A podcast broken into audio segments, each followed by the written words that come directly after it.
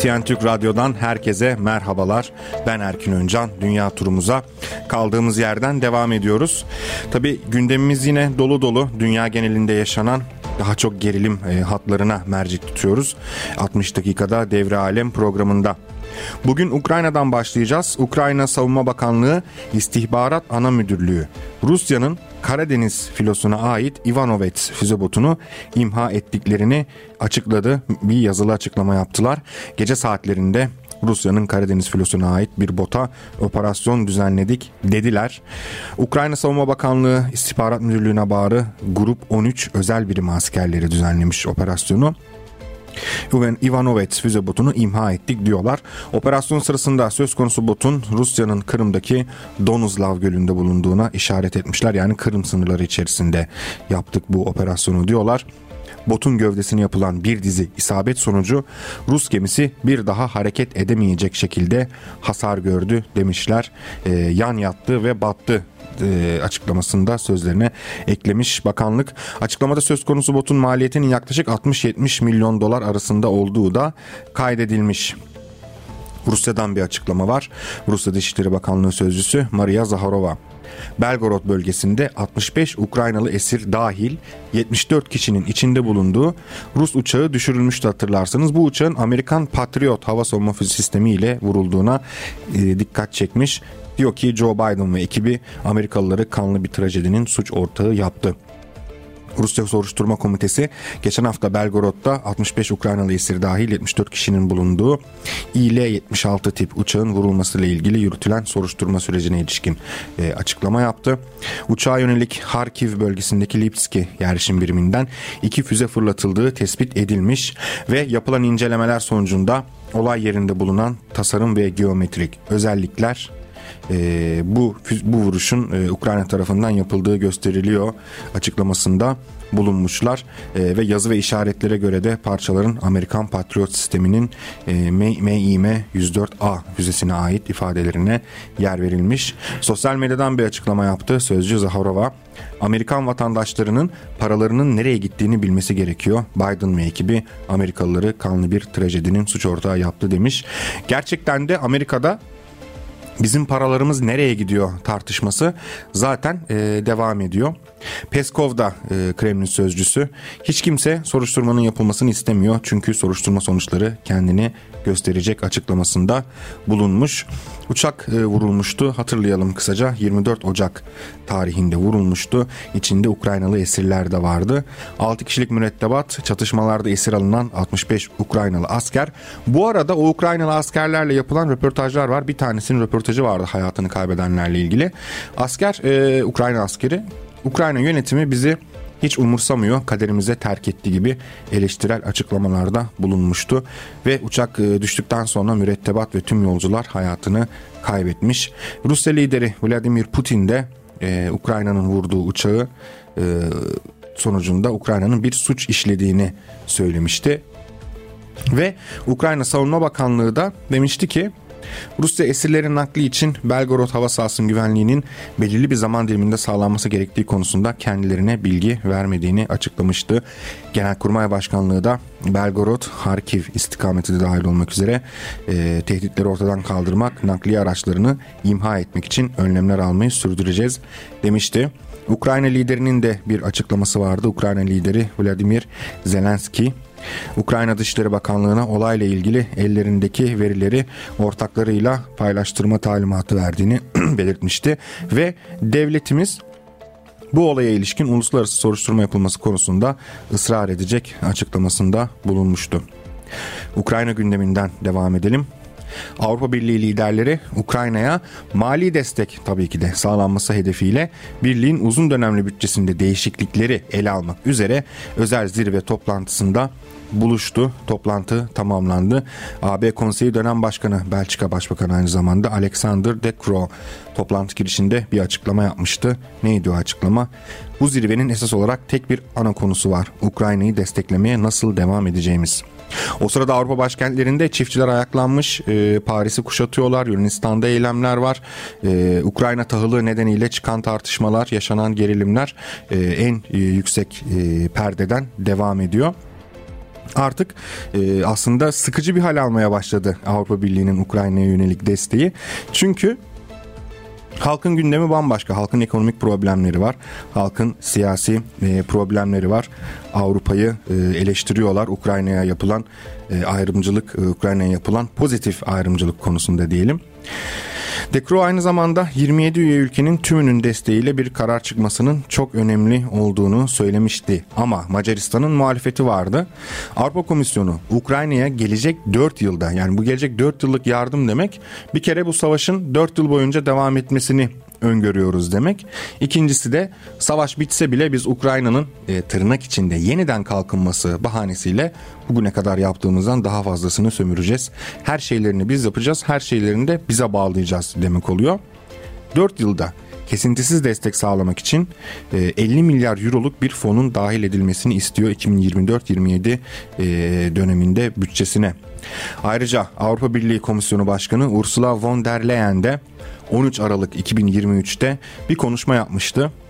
Demişti ki Ukrayna'nın siyasi desteğimizin yanı sıra sürdürülebilir mali desteğimize de ihtiyacı var ve 2020'de mevcut bütçe onaylandığında kimsenin Avrupa topraklarında topyekun bir savaş çıkacağını öngöremediğini söylemişti. Bu yüzden hadi değiştirelim ve tamamen Ukrayna'ya yardımlara odaklanalım diyorlar.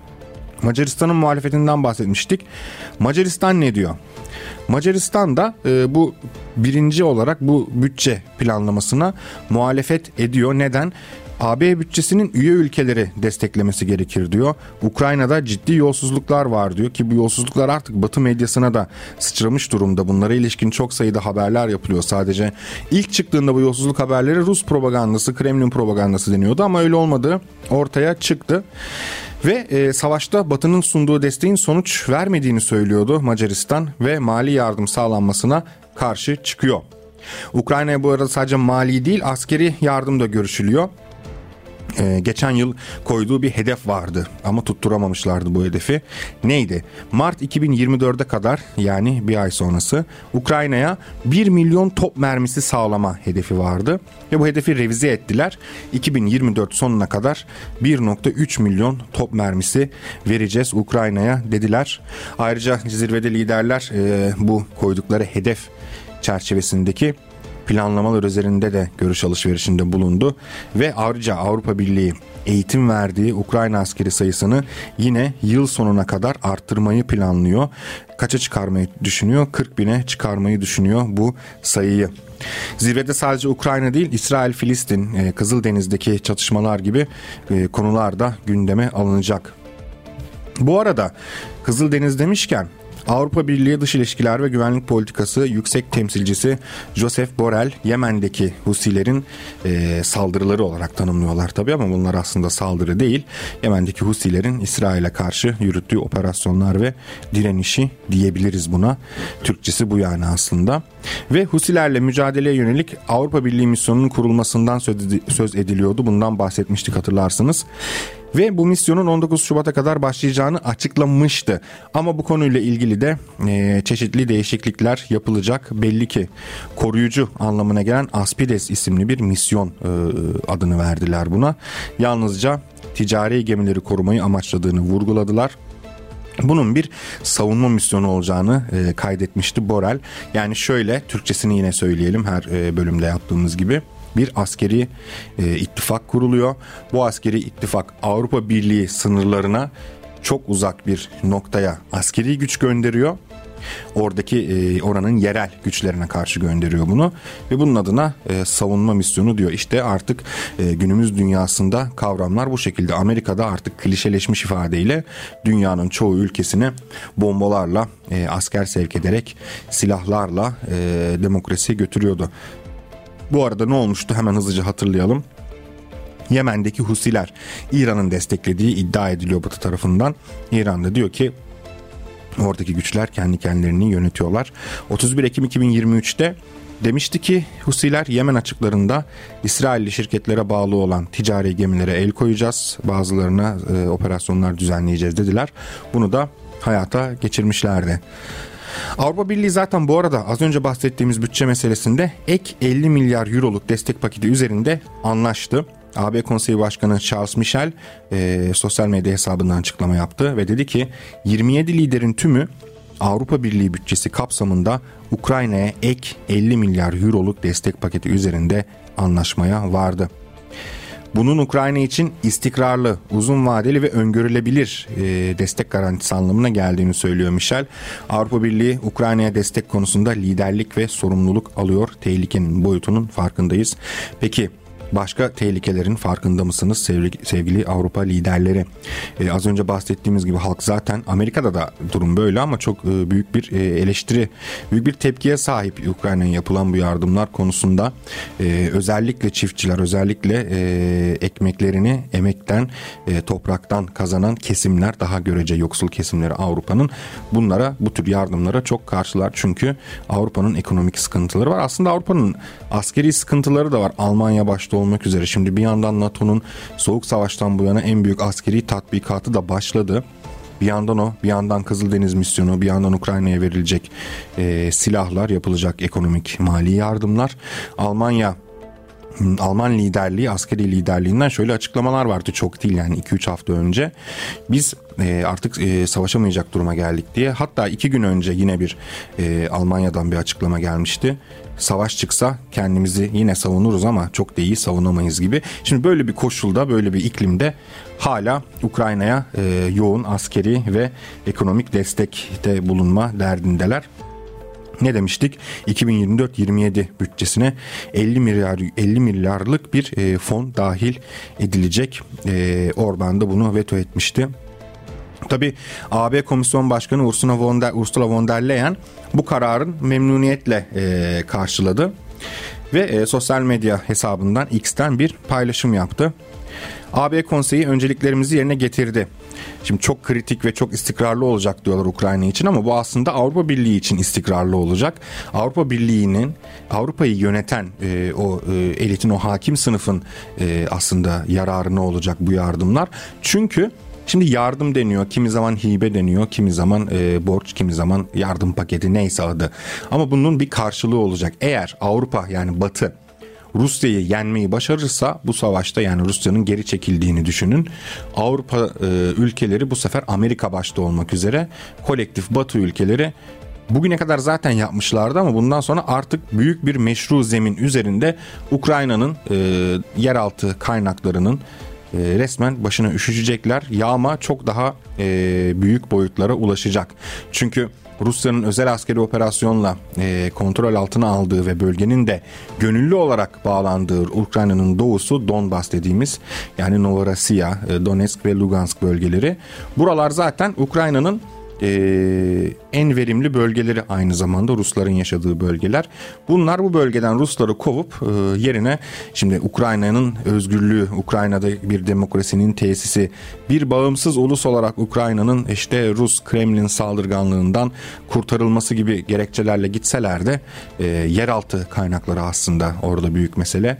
Yani popüler deyişle konu tamamen duygusal. Kaldı ki Rusya'nın operasyonundan da önce ne vardı orada? E, Ukrayna'nın e, Amerika üzerinden sömürülmesi olayı vardı. E, hep bahsediyoruz konu Ukrayna olunca tekrar edelim. Joe Biden'ın oğlu Ukrayna'nın en büyük enerji şirketlerinden olan Bursima'nın yönetim kurulu üyesi. Niye yönetim kurulu üyesi? Nasıl oluyor bütün bunlar? Ukrayna'daki bu kurumlar ne zaman nasıl özelleştirildi? Ukrayna nasıl böyle Amerikan yanlısı bir dönüşüm geçirdi? Aşırı sağcı, milliyetçi bir dönüşüm geçirdi. Bunların hepsi 2014'ten e, bile önce yaşandı. 2014 ile adı kondu. Ama Rusya'nın operasyonu ne zaman başladı? 2022 yılında. Şimdi aynı İsrail-Filistin meselesinde olduğu gibi Batı perspektifi olayları sadece yaşanan en son büyük e, olaydan e, başlatarak ele alıyorlar ki e, meselenin geri kalanı çok da bilinmesin ya da çok sorgulanmasın. Ama Aynı İsrail'de olduğu gibi Ukrayna meselesi de artık e, 90'lara dayanıyor yani bölgedeki krizin kökeni. Rusya Kırım'ı işgal etti deniyor ama kimse Kırım'da e, düzenlenen referandumlardan bahsetmiyor. 2014'te Kırım Rusya'ya katıldı ama öncesine gidelim. 1990'da hatta yıl dönümü de 31 Ocak'tır onun. 31 Ocak'ta yapılan bir referandumda Kırım halkı Sovyetler Birliği içerisinde kalmayı tercih etmişti ve ağırlıklı bir oy oranıyla. Şimdi o güçlerden, güç dengelerinden bahsedeceksek, e, kimin gücü yetiyor sorusundan hareket edeceksek zaten şu anda sonuç belli. Kırım'ın nerede olduğu belli ama uluslararası hukuktan, e, kanunlardan, kurallardan, oylama gibi e, demokratik süreçlerden bahsedeceksek e, mesela başka bir yere evriliyor. Kırım halkı Rusya'dan yani Sovyetler Birliği'nde kalmayı tercih etmişti. Ukrayna bunu yok saydı. Kırım'ın Ukrayna sınırlarında kaldığı o uzun süre boyunca Ukrayna'da e, çok büyük tartışmalar yaşandı. Şimdi Ukrayna'ya yakın e, Kırımlılar var, Kırımlı politikacılar var. Ama bunlar zaten neonazilerle de içi dışlı olan siyasetçiler. Ama Ukrayna yönetimi Kırım'ı her zaman tehdit etti. Aynı Donbas'ı tehdit ettiği gibi. Neden tehdit etti? Çünkü bölgede Kırım Türkleriyle birlikte en çok e, nüfusa sahip olan halk Ruslardı. Suyunu kesti Kırım'ın defalarca. Bayağı içme suyunu kesti Ukrayna yönetimi. Şimdi tam tersini anlatıyorlar ama yani Ukrayna kaynaklarına baktığınızda bile görebilirsiniz. Ukrayna'da Kırımcıyı, Kırım dilini, Kırım Türklerin dilini ve kültürünü yasaklama eğilimine e, giren yönetim Kiev yönetimi oldu. Şimdi bugün Kırım'da, e, Kırım Tatarcasında, Kırım Türkçesinde yayın yapan çok sayıda kanal var. Bunlar zaten serbest. Ama önceden ne oluyordu? Kırım dilinde eğitim veren Kiev yönetimi döneminde hiçbir okula e, 1 lira, e, 1 ruble ya da artık neyse e, ödeme ödenek ayrılmıyordu. Bunlar biraz e, yok olmaya mahkum edilmişlerdi. Şimdi mesele biraz da az önce söylediğim gibi Kırım'da kimlerin yaşadığı ile ilgili aynı Donbas bölgesinde olduğu gibi Kırım'da da Rusların da Kırım Türklerinin de e, yoğun bir popülasyonu var. Ukraynalı sayısı azdır Kırım'da yaşayan. Dolayısıyla 2014 yılında Maydan darbesi başladığında Ukrayna e, yeni bir rotaya girdi. Aşırı sağla milliyetçilikle birlikte Aynı şekilde ne oldu? Kırım veya Novorossiya dediğimiz bölgede de anti-Maydan eylemleri düzenlenmişti. Bu anti-Maydan eylemlerinin sonucunda başka siyasi organizasyonlar kurdular bölgede yaşayan e, Ruslar kendilerine. Kırım'da da aynı şey oldu. Bu arada hem Kırım'da referandum düzenlenmişti hem de daha önce bugün Rusya'nın askeri operasyonla kontrol altına aldığı Donetsk, Lugansk gibi bölgelerde de referandumlar düzenlenmişti. Bu referandum vurgusunu şundan yapıyorum. Şimdi kimileri şey diyor. E, evet yani oradakiler Rus'tu ve elbette ki Rusya'ya e, Rusya'da kalmak yönünde oy vereceklerdi. Evet çok doğru ama orası Ukrayna diyorlar. E ama e, hani nerede uluslararası hukuk veya nerede demokratik süreçler? Bu arada bugün Kırım ilhak edildi diyenler e, bizim hükümetimizde başta olmak üzere bölgede yapılan 2014 yılındaki referandumu oylamayı yok sayıyorlar. Yani sahte bir oylama demeye getirenden e, o oylama zaten geçersiz sayılmalıya kadar bir sürü argüman sunuluyor bu konuyla ilgili. Ama Kırım'da düzenlenen referandumdaki o oylama süreci Avrupa Güvenlik İşbirliği Teşkilatı dahil olmak üzere uluslararası çok sayıda gözlemci tarafından izlendi ve tek bir e, rakamla da söylüyorum tek bir ihlal bulunamadı. Şimdi öyle bir süreç yaşandı bölgede. Bu savaş zaten yaşanacaktı. Dolayısıyla Konu buralara kadar geldi. Yani Ukrayna'nın istikrarsızlaştırılması meselesi zaten Sovyetler Birliği yıkıldıktan sonra başlayan bir şeydi. Hatta Sovyetler Birliği döneminde de yaşanan şeylerdi bunlar ama yani Ukrayna istikrarsızlaşacaksa geleceği garanti, garanti altına alınacaksa e, bunun e, yolu bellidir. Ama e, Avrupa liderleri bunu yapmak yerine Ukrayna'ya verdikleri yardımlarla ki Ukrayna liderliği de bunu istiyor zaten. Ukrayna'yı borçlandırmaya daha fazla bir e, batağa sürükleme bütün o yolsuzluklara rağmen bu yardımlara devam ediyorlar. Neden? Çünkü zamanı gelince kendileri de müdahale edebilsinler diye. Diyelim son olarak da işte Ursula von der Leyen AB Komisyonu Başkanı bu e, yardımın onaylanmasının çok e, olumlu olduğunu söyledi diyelim. Bir tek Avrupa ülkeleri içerisinde Orban karşı çıkıyor Macaristan lideri. Evet bir diğer gerilim başlığımız İsrail'den devam edelim. Şöyle önemli bir gelişme var.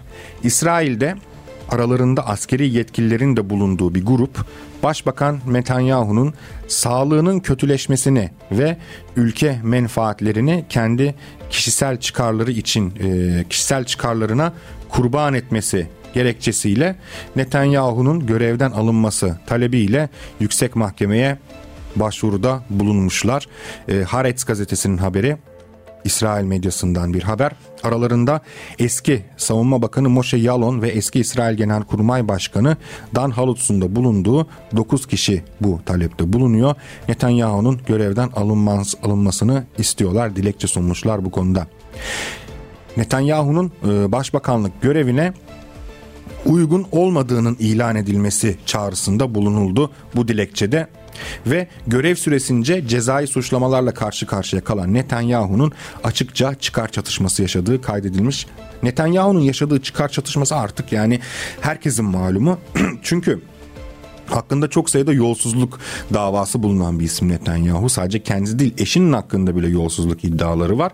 Dolayısıyla Netanyahu siyasi ikbalini e, korumak için, iktidarını sürdürmek için e, gerilimi arttırmayı göze aldı bölgede ve İsrail tarihinin en aşırı sağcı hükümetini, koalisyonunu kurarak iktidarını korudu. Daha önce de sıkça bahsettik programımızda şöyle vaatler var. Yahudilerin bölgede ayrıcalıklı e, olarak tanımlanması, yerleşim yerinin artırılması, Siyonizme, Siyonist tarikatlara, o ultra ortodoks tarikatlara verilen ödeneklerin artırılması gibi gibi radikal İsrail içinde bile e, tepkiyle karşılanan bazı e, kararlar verilmişti. E, dolayısıyla e, bu bu arada e, bu dilekçede başbakanın sağlığının kötüleştiğine dair işaretler olduğu da belirtiliyor. Bu da e, görevden alınması için e, önemli bir e, sebeptir diyor. Hamas'tan devam edelim. Hamas'ın İsrail ile esir takası ve Gazze'de ateşkesle ilgili teklifi e, Filistinli diğer gruplarla görüştürdüğü e, görüştüğü iddia edilmiş. E, adının açıklanmasını istemeyen Filistinli bir e, yetkilinin açıklamaları bu. Anadolu Ajansı muhabirine konuşmuş. Gazze'de ateşkes ve esir takası ile ilgili teklifi kabul ettiği yönündeki iddiaları değerlendirmiş. Hamas Filistinli diğer gruplarla görüşmelerini sürdürüyor diyor yetkili ve teklifini e, teklife yanıtını Mısır'a iletmek üzere Filistinli gruplarla ortak duruş sergilemek için görüşmeler yaptığını da kaydetmiş. E, Hamas'ın teklifteki bazı maddelerin detaylarına detayları ile ilgili Mısır'dan bilgi istediği de gelen e, bilgiler arasında ve İsrail ordusunun ateşkesin yani insani ara diyorlar bunu birinci aşamasında Gazze'den çekilmesinin de bu maddeler arasında yer aldığına işaret etmiş yetkili. Hamas'ın nihai yanıtı şu ana kadar Mısır'a iletilmedi. Mısırlı yetkililerle yapılan görüşmelerde devam ediyor açıklamasında bulunmuş. Bu İsrail'in Kanal 12 televizyonunda yer alan bir haber ve Mossad direktörü David Barnea'nın da Gazze'deki tüm İsrailli esirlerin serbest kalabileceği 9 aşamalı bir taslak anlaşmayı savaş kabinesine sunduğu belirtilmişti. Yine Filistinli bir yetkili de Hamas'a sunulan esir takası teklifinin e, Gazze'de bir aydan fazla sürecek bir ateşkes ve 3 aşamalı esir takasını içerdiğini aktarmıştı. Yetkili ayrıca Hamas'ın Kahire'de hafta sonuna kadar tamamlanması öngörülen müzakerelerin sonunda teklifle ilgili yanıtını Mısır'a ileteceğini de işaret edilmişti. Bir Paris toplantısı yapılmıştı programımızda yer vermiştik. Katar Başbakanı ve Dışişleri Bakanı Muhammed bin Abdurrahman El Sani 28 Ocak'ta Washington'da verdiği bir röportajda Paris'te Amerika, İsrail, Mısır ve Katar'ın Gazze'de ateşkes ve esir takasına ilişkin yetkililerle müzakerelerin yapıldığını açıklamıştı. Hamas Siyasi Büro Başkanı İsmail Heniye de Paris toplantısından çıkan çerçeve anlaşmasını ve bunun uygulanmasına ilişkin maddeleri görüşmek üzere Kahire ziyareti için davet aldıklarını açıklamıştı. Demişti ki Heniye, Paris toplantısından çıkan teklife karşı Hamas'ın cevabı öncelikle Gazze'ye acımasız saldırganlığın durması ve İsrail güçlerinin Gazze şeridinin dışına çekilmesi temelinde olacaktır diye çizgisini belli etmişti. Şimdi bu gelişmelerden çıkarmamız gereken sonuç nedir? Şimdi Paris toplantısı açıklandı. Daha önce e, Amerika'nın ya da başka ülkelerin arabuluculuğuyla çeşitli görüşmeler yapıldığı iddia edilmişti. Aynı şekilde hem Hamas hem İsrail istihbaratı arasında görüşmeler yapıldığı, Mısır üzerinden yapıldığı, Lübnan üzerinden yani çok sayıda diplomatik e, girişime dair ya doğrulanan ya da doğrulanmayan ya da iddia olarak aktarılan e, haberler okuduk biz bu süreçte. Bütün bunlar ne anlama geliyor? Yine hep biz 60 dakikada devre alem programında aynı şeyi söylüyoruz. Bu şu demek sahadaki durum esas belirleyicidir demek. Şimdi Hamas'ın e, ne olduğu nasıl bir örgüt olduğu bu noktada çok önemli değil. Aynı Afganistan'da yaşadığımız durumun bir benzeri yaşanıyor. Hamas var sahada. Hamas savaşıyor. İsrail e, Gazze'deki siyasi iradeyi yok etmeye çalışıyor. E, buna ilişkin artık e, kadınlar ve çocuklar da dahil olmak üzere e, acımasızca sivilleri katlediyor. Zaten bu İsrail devletinin varlık sebebi bölgede Müslümanların ve Hristiyanların katledilmesi, yok edilmesi. Şimdi böyle bir gerçeklik var. Ne oluyor? Uzun yıllardır devam eden bu sürecin ardından Hamas liderliğinde Filistin direnişi bir operasyon başlatıyor. Aksa Tufanı operasyonu.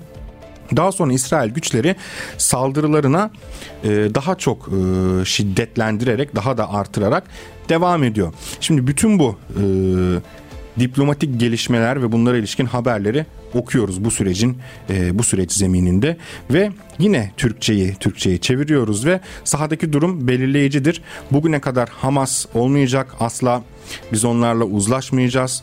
Asla onlarla bir şekilde masaya oturmayacağız ve görüşmeyeceğiz diyen Siyonist e, işgal güçleri artık bir şekilde aracılarla da olsa görüşmek zorunda kalıyorlar. Çünkü oradaki siyasi irade artık e, Gazze'deki siyasi irade Hamas'la bütünleşmiş durumda.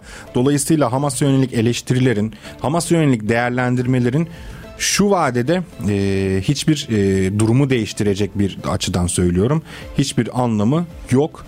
E, çünkü sahadaki gerçeklik bu. Aynı Afganistan'da Taliban meselesinde olduğu gibi. Devam ediyoruz dünya turumuza. Biraz kuzeye doğru gidelim. Gürcistan'da önemli siyasi gelişmeler yaşanıyor. Gürcistan'da 29 Ocak'ta Başbakan Irakli Garibaşvili görevinden istifa etmişti ve yerine yeni bir başbakan adayı belirlendi. Kim bu? Eski parlamento başkanı Irakli Kobakidze. Başkent Tiflis'te düzenlenen Gürcü Hayali Partisi'nin 8. kongresinde e, milletvekili Kobahidze'nin yeni başkan adayı olarak gösterilmesi kararı verilmiş e, 45 yaşındaki siyasetçi. Bu arada kongreye Gürcü Hayali Partisi'nin kurucusu ve Fahri Başbakanı, eski Fahri Başkanı ve ülkenin eski başbakanı Bidzina Ivanishvili de katıldı. Kobakidze kongrede kendisine duyduğu güven için partisine teşekkür etti. Şimdi Gürcistan'da 2016-2019 döneminde parlamento başkanlığı görevini üstlenmişti Kobakidze ve hükümetin asıl amacını toprak bütünlüğünün sağlanması, halkın yaşam standartlarını ve refahını daha da arttırmak olduğu e, olarak belirtmişti. Bu yıl bu arada Gürcistan'da genel seçimler olacak. Bu açıdan da aslında kritik. Çünkü Gürcistan'da da iki e, ayrı gruba bölünmüş durumda siyaset. Tabii ki de daha e, detay ayrışmalar, tasnifler söz konusu ama Gürcistan'da hükümet e, daha çok bağımsızlık yanlısı, Cumhurbaşkanı e, Amerikan yanlısı. Şimdi Gürcistan'da hatırlarsınız kitlesel eylemler olmuştu. Yine aynı Ukrayna Maydan'da olduğu gibi Avrupa Birliği bayraklarıyla, Amerikan bayraklarıyla e, eylemciler sokağa çıkmışlardı. Demokrasi talebinde bulunmuşlardı. E, yine bir konu e, yargı reformuydu ve basınla ilgili yabancı e, kuruluşların, e, yabancı ajansların e, bir şekilde bir kategorize edilmesiyle alakalı bir e, çatışma yaşanmıştı. Dolayısıyla oradaki siyasi kriz önemli ve daha sonra bir renkli devrim planları gerçekleştirilmişti. Ne zaman düğmeye basılacaktı e, açıklanan istihbarat verilerine göre?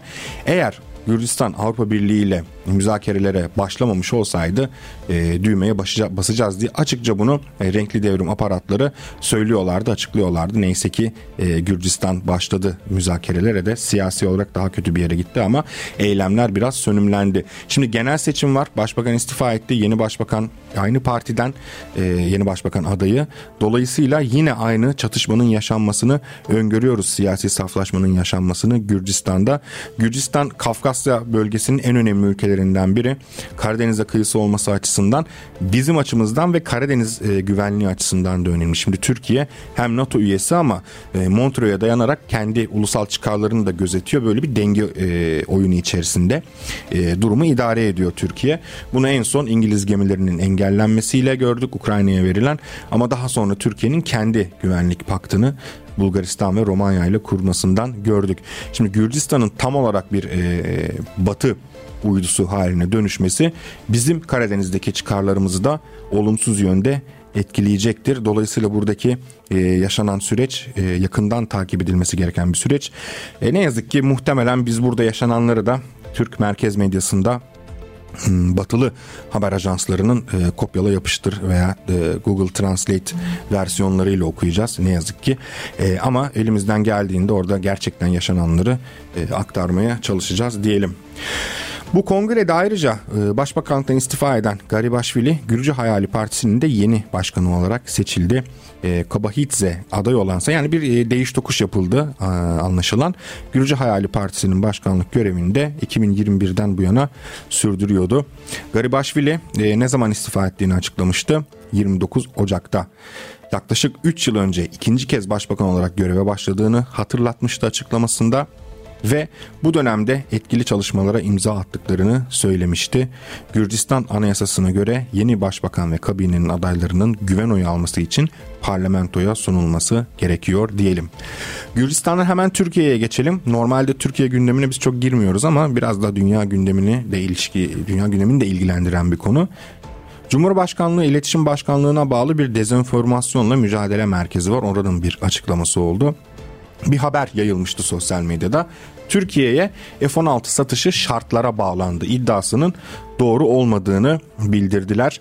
Hava Kuvvetleri Komutanlığı'nın ihtiyaçları doğrultusunda 40 yeni F-16 Blok 70'in 70'in tedariki ve mevcut 79 F-16'nın ise modernize edilmesine ilişkin Amerikan Kongresi'ndeki onay sürecinin 26 Ocak'ta başladığı anımsatılmış e, şu ifadeleri kullanıyorlar. Bazı basın yayın organlarında yer alan, yer alan Türkiye'ye F-16 satışı şartlara bağlandığı iddiası doğru değildir ifadelerine yer verilmiş. Onay süreci ilgili uçaklara ait mühimmat, malzeme ve teçhizatların taleplerini de içermektedir. Teklif ve kabul mektupları ulaştıktan sonra takvim üzerinde çalışmalara başlanacaktır. Bazı Yunan kaynaklı haber sitelerinde iddia edildiği gibi F-16 tedariki ve modernizasyonu konusu herhangi bir şarta bağlı değildir e, açıklamasında bulunmuş doğru bir doğrulama bu. Yani e, F-16 e, meselesi herhangi bir şarta bağlı değil. Ama nasıl herhangi bir şarta bağlı değil? Diplomatik olarak herhangi bir şarta bağlı değil. Yine Türkçeyi Türkçe'ye çevirerek bu gelişmelerin aslında ne olduğunu kısaca bir üzerinden geçelim. Şimdi Türkiye ile e, Amerika arasındaki ilişkiler ve bu ilişkilerden doğan e, belli bir alışveriş var. Bu askeri alanda da yaşanıyor. Zaten Türkiye NATO üyesi olduğu için ekonomik alanda da yaşanıyor, siyasi alanda da yaşanıyor. Bu bir oyun aslında ve bir rekabet aynı zamanda. Çünkü müttefik ülkeler de aslında birbirleriyle rekabet halinde olan ülkelerdir. E, kapitalist dünya düzeninde bu böyledir. Müttefiklik demek günümüz dünya düzeninde yani Amerika'nın başını çektiği bir hegemonik e, yapının hakim olduğu bir dünya düzeninde e, Amerika'nın müttefiki olmak demek Amerika tarafından baskı altına alınabilmiş ülke olmak demek. Yani Amerika tarafından e, diz çöktürülebilmiş veya korkutulabilmiş ülke olmak demek. Müttefiklik e, emperyalist kapitalist e, dönemde e, batı açısından biraz böyle bir şeydir. Dolayısıyla Türkiye'nin ya da Türkiye olmasın bu Yunanistan olsun veya Amerika'nın müttefik olarak kabul ettiği aynı askeri paktlara dahil olduğu başka bir ülke olsun. Bütün bu ilişkilerde her şey zaten şarta bağlıdır. E, ne şarta bağlı değil ki aslında? Yani e, burada dezenformasyonla mücadele merkezinin e, açıklamasını yalanlamaya çalışmıyorum. Bu ayrı bir açıklama. Basında yer alan yanlış bir haberin düzeltmesi. Ama genel konjonktür üzerinden düşündüğümüzde Amerika'nın e, müttefikleriyle kurduğu ilişkilerin tümü şartlara bağlı ilişkilerdir. E, şimdi Amerika ile Türkiye'nin e, gerilim noktalarına ve uzlaşı noktalarına bakalım. Kabaca ifade edelim. Bunların en çok öne çıkanı neydi? 15 Temmuz FETÖ darbe girişimiydi. Darbe girişimine ilişkin Amerika'nın tavrını biliyoruz. Ondan sonrasında Ege adalarında, Doğu Akdeniz'de Mavi Vatan konseptine ilişkin e, Amerika'nın e, yaklaşımını biliyoruz. Karadeniz güvenliğine, Türk-Rus ilişkilerine, Türkiye'nin e, Rusya'dan S-400 alımına dahi Amerika'nın e, yaklaşımını ve e, belli ya da açıktan ya da gizli uyguladığı yaptırımları biliyoruz. Bunlar hepsi şarta bağlıdır. Tekrar edelim. Günümüz dünya düzeninde Amerika gibi e, hegemonya peşinde koşan başka ülkelerin iç işlerine karışmayı bir dış politika misyonu haline getiren bir ülkeyle dost olmak istiyorsanız o ülkenin e, siyasi boyunduruğu altına gireceksiniz. En fazla o ülkenin e, çizdiği sınırlar içerisinde daha özgürce hareket edebilirsiniz. Yani bugün müttefiklik demek e, Amerika ile kurulan ilişkiler bağlamında e, aslında Amerika'ya boyun eğmek demek. Dolayısıyla yani bu tür düzeltmeleri, doğrulamaları elbette ki yapacağız ve e, yaygınlaştırmak lazım. Çünkü sosyal medya öyle kirli bilginin yayıldığı bir yer haline geldi ki ister e, Türkiye gündemi açısından ister iktidar yanlısı olsun ister e, iktidar muhalifi olsun e, yani o kadar büyük dezenformatif örnekler varken hangi birini e, saysak e, doğru bilgi yayılmıyor artık sosyal medyada. Doğru bilgi sürekli hedef alınıyor. E, hangi bilgiyi doğrulamaya kalksanız sizi e, sosyal e, açıdan sosyal medya yani online olarak dijital ortamda hedef alacak, linç edecek e, ve buna hazır bekleyen bir e, grup var zaten sosyal medyada artık ne yazık ki işler böyle yürüyor. Dolayısıyla bu tür doğrulama e, olayları, bu tür doğrulama haberleri çok önemlidir. E, aktarmamız lazım ama uluslararası ilişkilerde özellikle günümüz dünyanın e, siyasi ve ekonomik düzeninde e, Amerika ile kurulan ilişkilerinde zaten şarta bağlı olarak geliştiğini de hatırlamamız gerekiyor diyelim. İsrail'den bir gündemimiz daha var. E, Haaretz gazetesinin önemli bir haberi az önce aktaracaktık. Es geçtik şimdi hemen aktaralım. İsrail ordusunda görevli komutanlar askerlere 7 Ekim Aksa Tufanı operasyonundan bu yana saldırılara maruz kalan Gazze'deki terk edilmiş evleri yasal onay almaksızın yakma emri verdiği e, ortaya çıktı. Yani İsrail askerleri tarafından Filistinlilere ait yüzlerce ev artık onarılamaz bir şekilde e, yakıldı ve bu e, e, yasal olay beklenmedi bunun için. Zaten yasal onay isteyen de yok bu savaş koşullarında diyelim. E, bir süredir bu yöntemi kullanarak yüzlerce binayı yaktıkları biliniyor İsrail askerlerinin. O binalarda e, Filistinliler sivil halk yaşıyordu ve konuya dair bir açıklaması oldu İsrail ordusunun konuyu inceleyeceğiz dediler.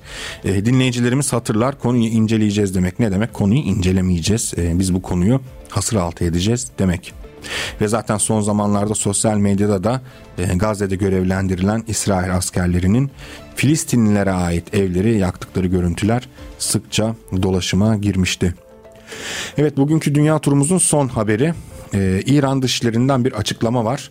İran Dışişleri Bakanı Bakanlığı Sözcüsü Nasır Kenani Amerika'nın ekonomik yaptırımları diğer ülkelere silah olarak kullandığını belirterek Venezuela'ya yönelik kararını kınadı. Neydi Amerika'nın Venezuela'ya yönelik kararı? Bir yaptırım kararıydı. Ee, Venezuela Yüksek Mahkemesi ve muhalif liderlerden Maria Corina Machado'ya 15 yıl siyasi yasak getirmişti ve bunun ardından da Washington yönetimi bu ülke için askıya aldığı bazı yaptırımları yeniden yürürlüğe koyacağını duyurmuştu. Amerikan Dışişleri Bakanlığı Sözcüsü Matthew Miller, e, Venezuela ile altın sektöründe iş yapmak isteyen Amerikan firmalarına verilen lisansların iki hafta sonra yani 13 Şubat günü askıya alınacağını açıklamıştı. Ülkede siyasi bir ilerleme olmaması halinde ise 14 Nisan'da sona erecek petrol ihracat lisanslarının e, süresinin o tarihten itibaren de uzatılmayacağını belirtmişti. E, bu arada Yüksek Mahkemede Venezuela 27 Ocak'taki kararında eski milletvekili ve muhalif lider e, Makado ile ilgili önde gelen e, başka diğer liderlerden Henrik Capriles'e verilen siyasi cez- yasak cezasında onamıştı. Tabi Machado e, karara itiraz etmişti. Her durumda ben yarışacağım demişti. Yarışamayacak elbette ki. E, bu sadece biraz e, siyasi söylemden ibaret ve e, Maduro hükümeti de söz konusu ta- kararın tamamen hukuki olduğunu ve tartışmaya kapalı olduğunu söylemişti. Amerika zaten 2019 yılında Maduro'nun ikinci dönem devlet başkanlığını kazanmasının ardından Venezuela'ya petrol yaptırımları uygulamaya başlamıştı. E, bu yaptırımın bir diğer sebebi de Chavez e, dönemine e, aslında gidiyor. Chavez de e, ülkedeki petrolü millileştirmişti ve dolayısıyla e, petrol üzerinden ticaret yapmak isteyen Amerika gibi ülkelere de önemli yani bir e, önemli düzeyde bir kota koymuştu. Maduro'nun da geçen yıl muhalefetle yaptığı görüşmeler vardı. Son olarak onları hatırlatalım. 2024 yılında serbest ve şeffaf seçimler yapılması konusunda anlaşmaya varmıştı. Bunun üzerine söz konusu yaptırımlar Ekim 2023'te Amerika tarafından askıya alınmıştı diyelim. Evet bugünkü dünya turumuzun sonuna geldik. Ee, önümüzdeki dönemde dünya genelinde öne çıkan gelişmeleri e, aktarmaya, yorumlamaya devam edeceğiz. Bizi izledi bizi dinlediğiniz için çok teşekkür ederiz. Ee, tekrardan görüşmek üzere. 60 dakikada devri alem sona erdi.